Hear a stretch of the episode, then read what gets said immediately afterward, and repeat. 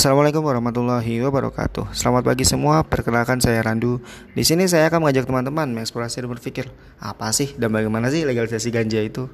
Tentu teman-teman masih ingat tentang kasus Fidelis Ari Sudewarto, seorang pegawai negeri sipil di Kabupaten Sanggau, Kalimantan Barat yang menanam 39 pohon ganja di rumahnya dengan tujuan untuk pengobatan istrinya yang bernama Yeni Riawati karena menderita penyakit siringomialia yang telah didiagnosis oleh dokter sejak 2013 lalu. Sebenarnya sudah banyak obat yang dikonsumsi, akan tetapi tidak juga menemui kesembuhan.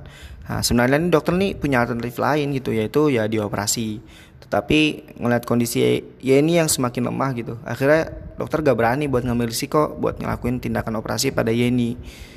Nah, Fidelis ini melihat kondisi Yeni seperti itu, akhirnya stres gitu ya, stres, duh gimana ya, biar istri saya bisa sembuh gitu dan mencari dan dia akhirnya mencari solusi gitu melalui internet.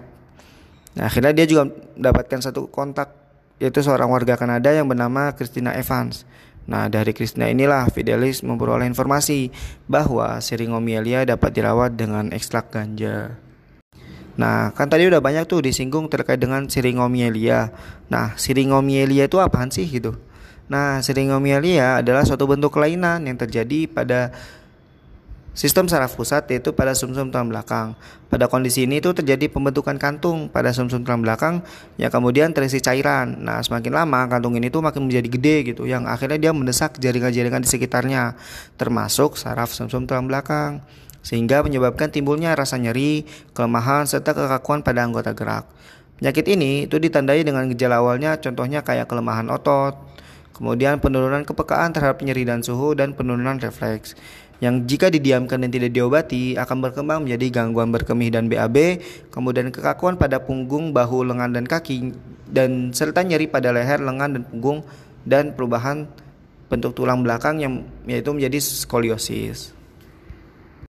Setelah pemberian beberapa kali, memang ada perubahan positif dari istrinya, tapi kondisi ini nggak terjadi lama, soalnya Ari sudah terlanjur ditangkap oleh BNN Kabupaten Sanggau dan polisi. Atas pelanggaran hukum Undang-Undang Narkotika Nomor 35 Tahun 2009 Pasal 111 yang mengatur soal kepemilikan barang ganja dan ancaman hukuman penjara yang berbunyi Ayat 1.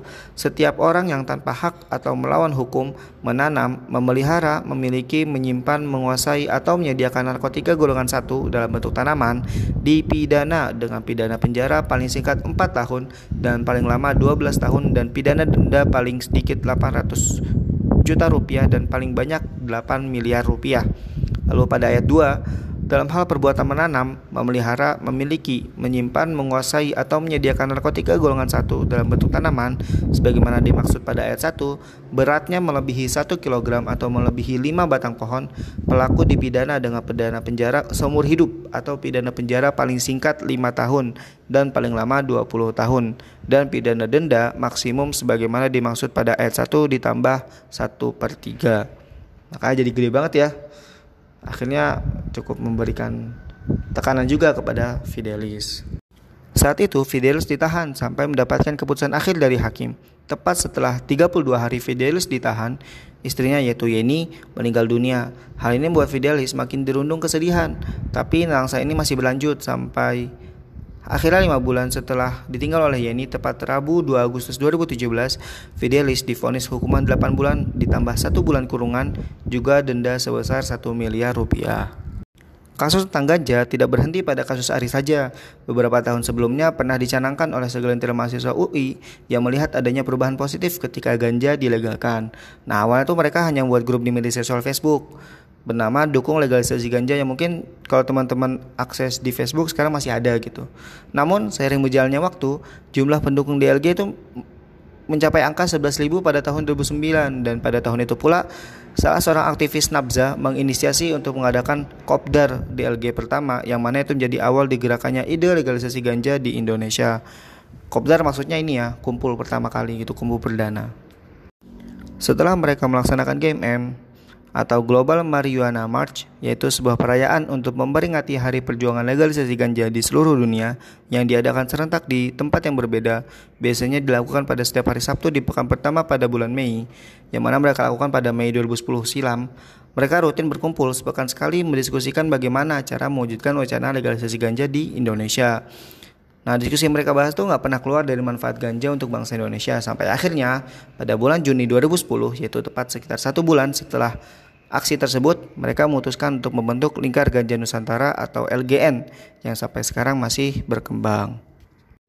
Usaha-usaha mereka tidak hanya pada jalur edukasi kepada masyarakat saja, tapi juga mencapai ranah advokasi dan mencoba membuat badan hukum bernama Yayasan Lembaga Penelitian Tanaman Ganja yang pada November 2010 dalam proses pengajuan ke Kementerian Hukum dan HAM atau Kemenkumham. Tapi pada tahun 2013 BNN mengeluarkan surat kepada Kemenkumham yang menerangkan bahwa yayasan tersebut tidak boleh didirikan karena kewenangan riset ganja ada di BNN. Edukasi yang mereka canangkan sangat bervariatif dan masif. Gak hanya membuat artikel tentang manfaat ganja yang mereka posting di web LGN, tapi juga melakukan proyek sosial, pembuatan buku, dan kegiatan-kegiatan lainnya. Nah, karena LGN ini adalah sebuah organisasi, maka dia juga harus memiliki visi dan misi.